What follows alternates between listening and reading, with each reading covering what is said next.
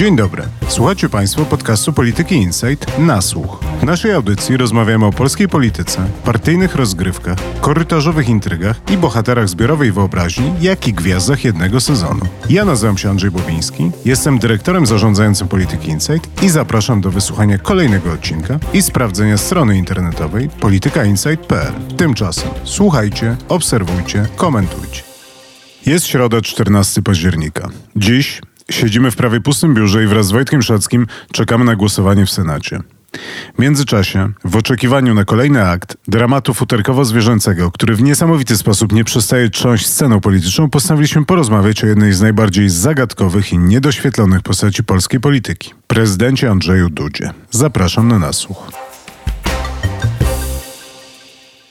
Wojtku, to może na początek jakbyś mógł opowiedzieć nam, jak pan prezydent wszedł w swoją drugą kadencję trochę nijak. Przez pierwsze te kilka miesięcy prezydentury zbyt wiele prezydenta nie widzieliśmy.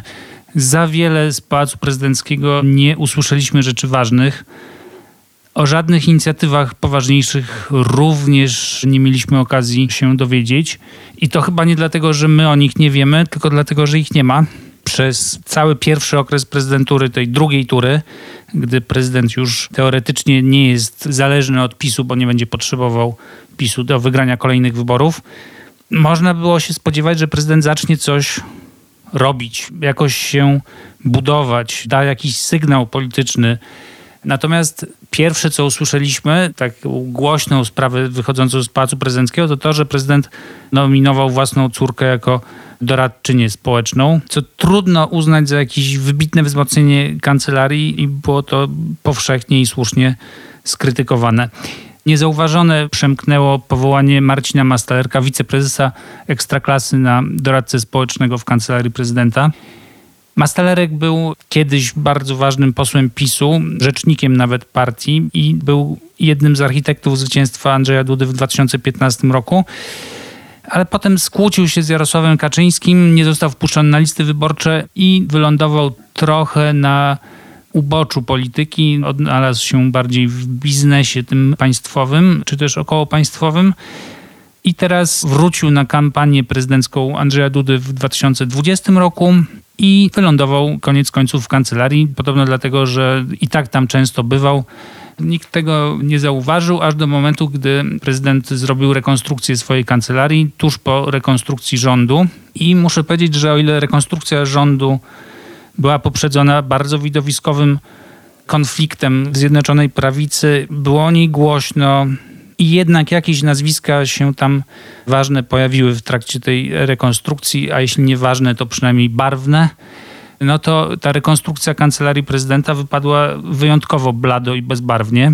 Dość powiedzieć, że ministrem, prezydenckim ministrem został zdymisjonowany ostatnio ze stanowiska wojewody małopolskiego Piotr Ćwik, który jest przykładem takiego polityka, który powinien raczej myśleć chyba o końcu kariery politycznej, a nie o awansie w kancelarii prezydenta. Ja przeczytałem jego biogram na Wikipedii i tam było tak. Przegrał dwukrotnie wybory na burmistrza miasta przegrał wybory na posła, przegrał wybory na posła po raz drugi, przegrał wybory na posła po raz trzeci.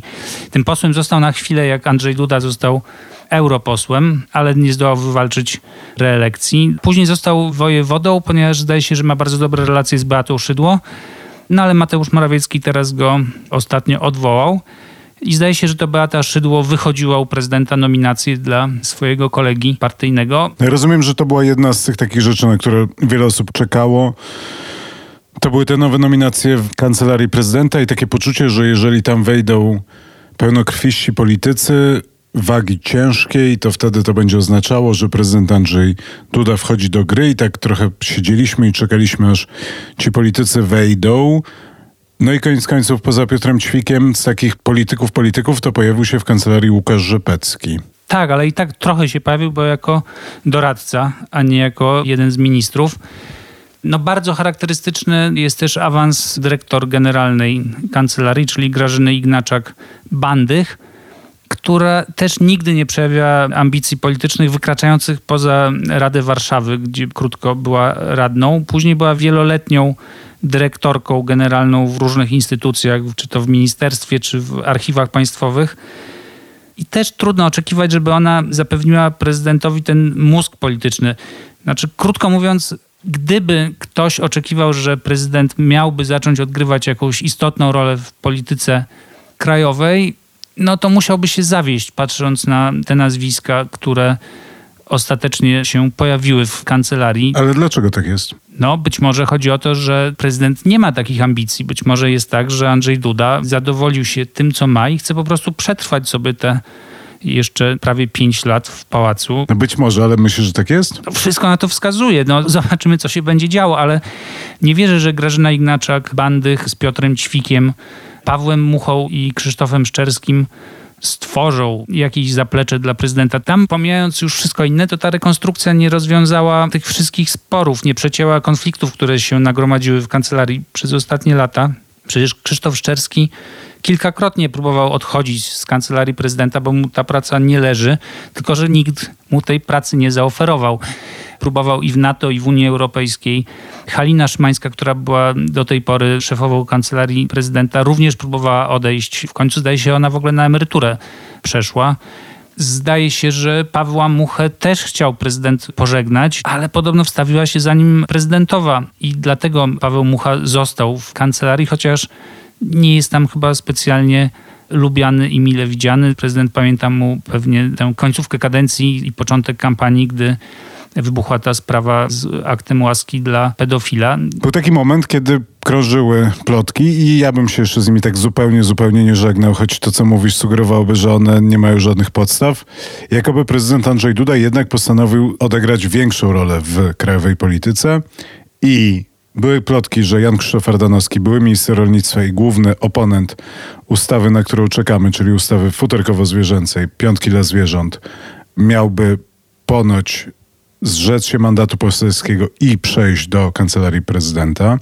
Pojawiały się plotki, że Beata Szydło, i tu rozumiem, że takim pomostem trochę mógł być też Marcin Mastalerek, ale że miała zacząć bardzo silnie współpracować i grać z Andrzejem Dudą i że te osoby jeszcze z przychylnością może Zbigniewa Ziobry zaczynały się rozglądać i myśleć o tym, żeby stworzyć jakąś frakcję, która może w przyszłości miałaby się przerodzić w partię, która byłaby takim ludową odnogą PiSu, który byłby silny na wsi i by szachował Jarosława Kaczyńskiego i by przygotowywał się do przejęcia rządu dusz na prawicy w momencie, w którym Jarosław Kaczyński odejdzie z polityki.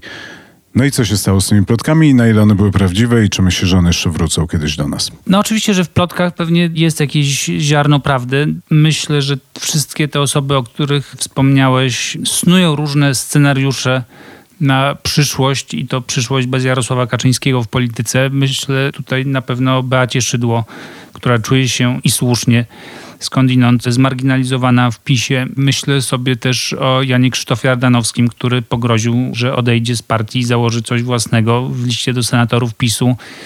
Myślę, że Zbigniew Ziobro również może maczać w tym palce.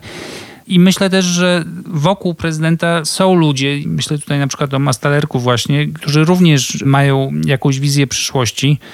Tyle, że nie wiem, czy to się wszystko tak łatwo da skleić, zwłaszcza, że na przykład Mastalerek wcale nie jest jakoś specjalnie zakolegowany z Beatą Szydło. To wszystko jest jeszcze bardzo niepewne, palcem na wodzie pisane. Oczywiście, że wokół prezydenta będą takie plotki się pojawiały, zwłaszcza, że coraz gorzej wygląda na to, wyglądają relacje prezydenta z Jarosławem Kaczyńskim. No właśnie o co tam chodzi, bo ja muszę powiedzieć, że jedną rzeczą, która na mnie zrobiły duże wrażenie w ostatnich dniach, to był ten moment, kiedy prezydent Andrzej Duda wręczał nominację na wicepremiera Jarosławowi Kaczyńskiemu i bardzo, bardzo szybko ściągnął lateksową rękawiczkę, kiedy zobaczył, że Jarosław Kaczyński podchodzi do niego bez rękawiczek, w odróżnieniu od innych ministrów. I no to wyglądało naprawdę jak taki z całym szacunkiem dla prezydenta Rzeczpospolitej ucznia, który przestraszył się profesora i zorientował się, że może być mu zarzucone, że nie obserwuje zasad kindersztuby i tak strasznie szybko ściągnął tą rękawiczkę i podał rękę Jarosławowi Kaczyńskiemu.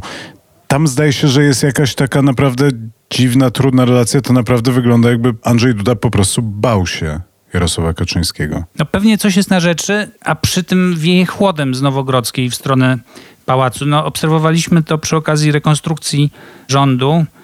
Znaczy, po pierwsze, prezydent był całkowicie wyłączony z tego procesu. Niby jest prezydentem i nie powinien się tym zajmować, ale jednak, jak pamiętam na przykład prezydenturę Aleksandra Kwaśniewskiego, no to Aleksander Kwaśniewski by nie pozwolił się tak całkiem wyłączyć z rozgrywek wewnątrz obozu władzy, gdy przypomni się tę końcówkę rządów Leszka Millera i przejście do rządu Marka Belki, no to tam ewidentnie Pałac Prezydencki odgrywał bardzo dużą rolę, sam Aleksander Kwaśniewski odgrywał dużą rolę, bo on był rzeczywiście pełnokrwistym politykiem i jednym z liderów obozu lewicowego.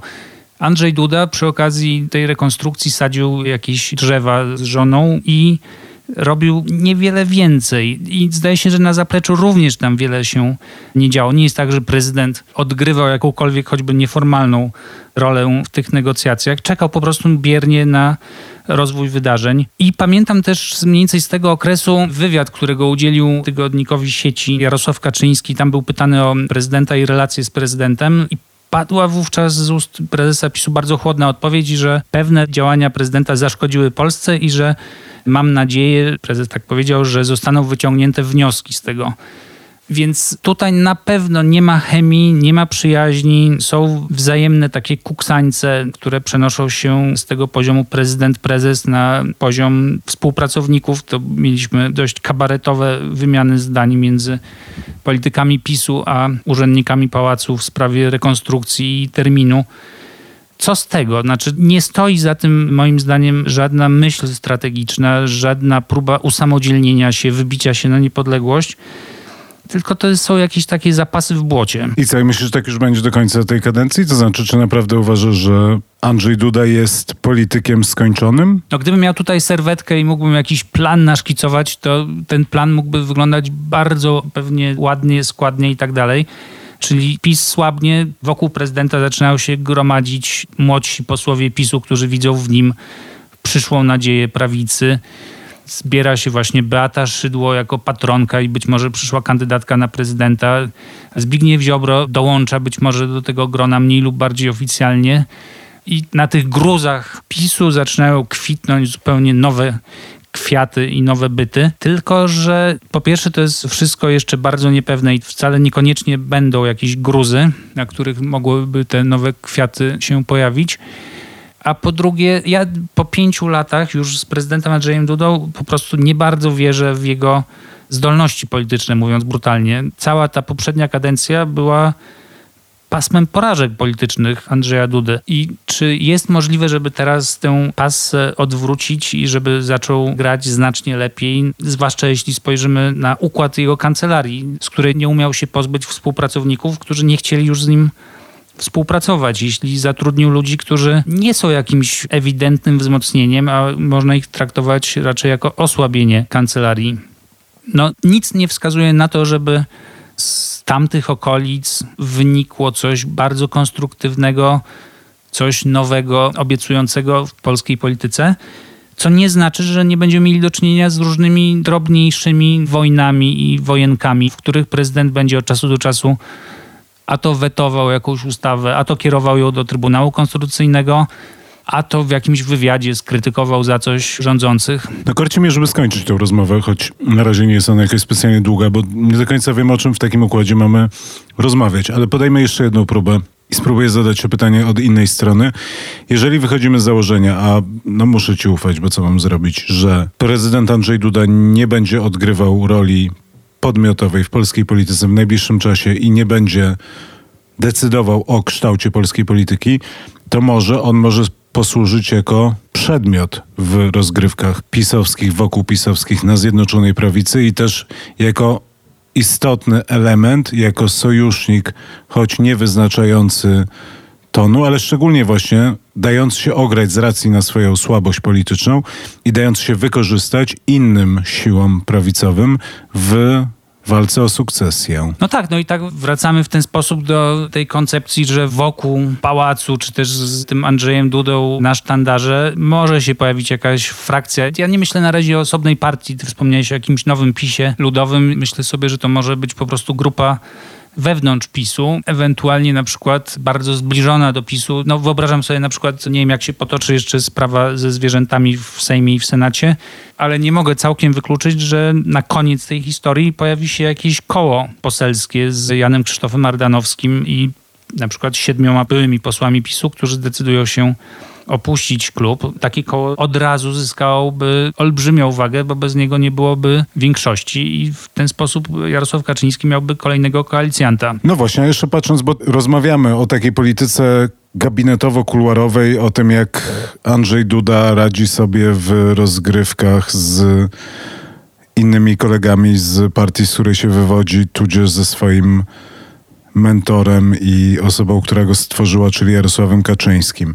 Ale jest też inny aspekt polityki, znaczy ludzie i wyborcy. Andrzej Duda zdaje się ma jednak dosyć duże poparcie i w obliczu nadchodzącego kryzysu zaufania wobec władzy prawdopodobnie to Andrzej Duda będzie tą osobą, która będzie najmniej obciążona skutkami pandemii i będzie najwolniej traciła poparcie i zaufanie. I może się okazać za chwilę, że niezależnie od tej takiej słabości taktycznej, to że z perspektywy tej polityki, którą się przelicza na głosy i na poparcie ludzi na ulicy, to Andrzej Duda będzie tak naprawdę jedyną postacią, która będzie miała posłuch i wokół której inni politycy mogą chcieć zacząć się gromadzić. I co wtedy? No tutaj już wróżymy z fusów, ale jeśli Andrzej Duda dla większości wyborców jest jednak emanacją PiSu i jest sklejony z PiSem tak bardzo, że dopiero jakaś seria wyraźnych gestów wrogich wobec PiSu mogłaby tę więź rozerwać,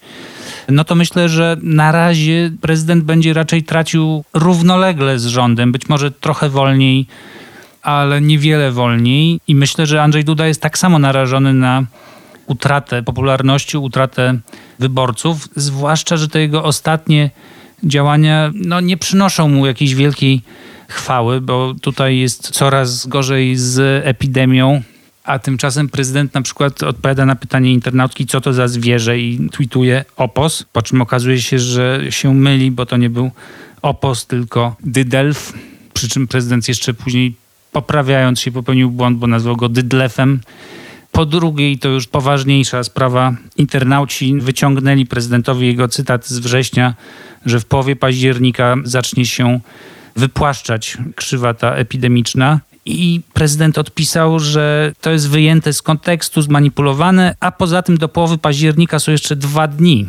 Przy czym dzień przed tą połową października padł rekord smutny zachorowań i rekord ofiar śmiertelnych no to nie świadczy dobrze ani o prezydencie, ani o tym jego otoczeniu, bo nie wiem, czy tam brakuje doradców, którzy mają jakiekolwiek wyczucie medialne, wyczucie mediów społecznościowych. No, prezydent jest sam sobie chyba sterem i okrętem i żegluje w jakąś dziwną stronę. No, ale abstrahując od tych wszystkich złośliwości i... To nie były złośliwości, tylko cytaty. I wypominanie dydlefów, ale abstrahując od tego wszystkiego i patrząc na faktyczne, z jednej strony to są niezręczności retoryczne, ale z drugiej strony faktyczne przyłożenie się do tego, jaka jest sytuacja w Polsce, no to wydaje mi się, że jednak ciężko jest obarczać prezydenta odpowiedzialnością za sytuację w tym momencie pandemiczną w kraju. Tak jak można zadawać pytania, czy Ministerstwo Zdrowia przygotowało nas na to, co się dzieje i nadchodzi. Tak jak można zastanawiać się, czy Ministerstwo Edukacji wykonało jakiekolwiek ruchy, żeby przygotować szkoły na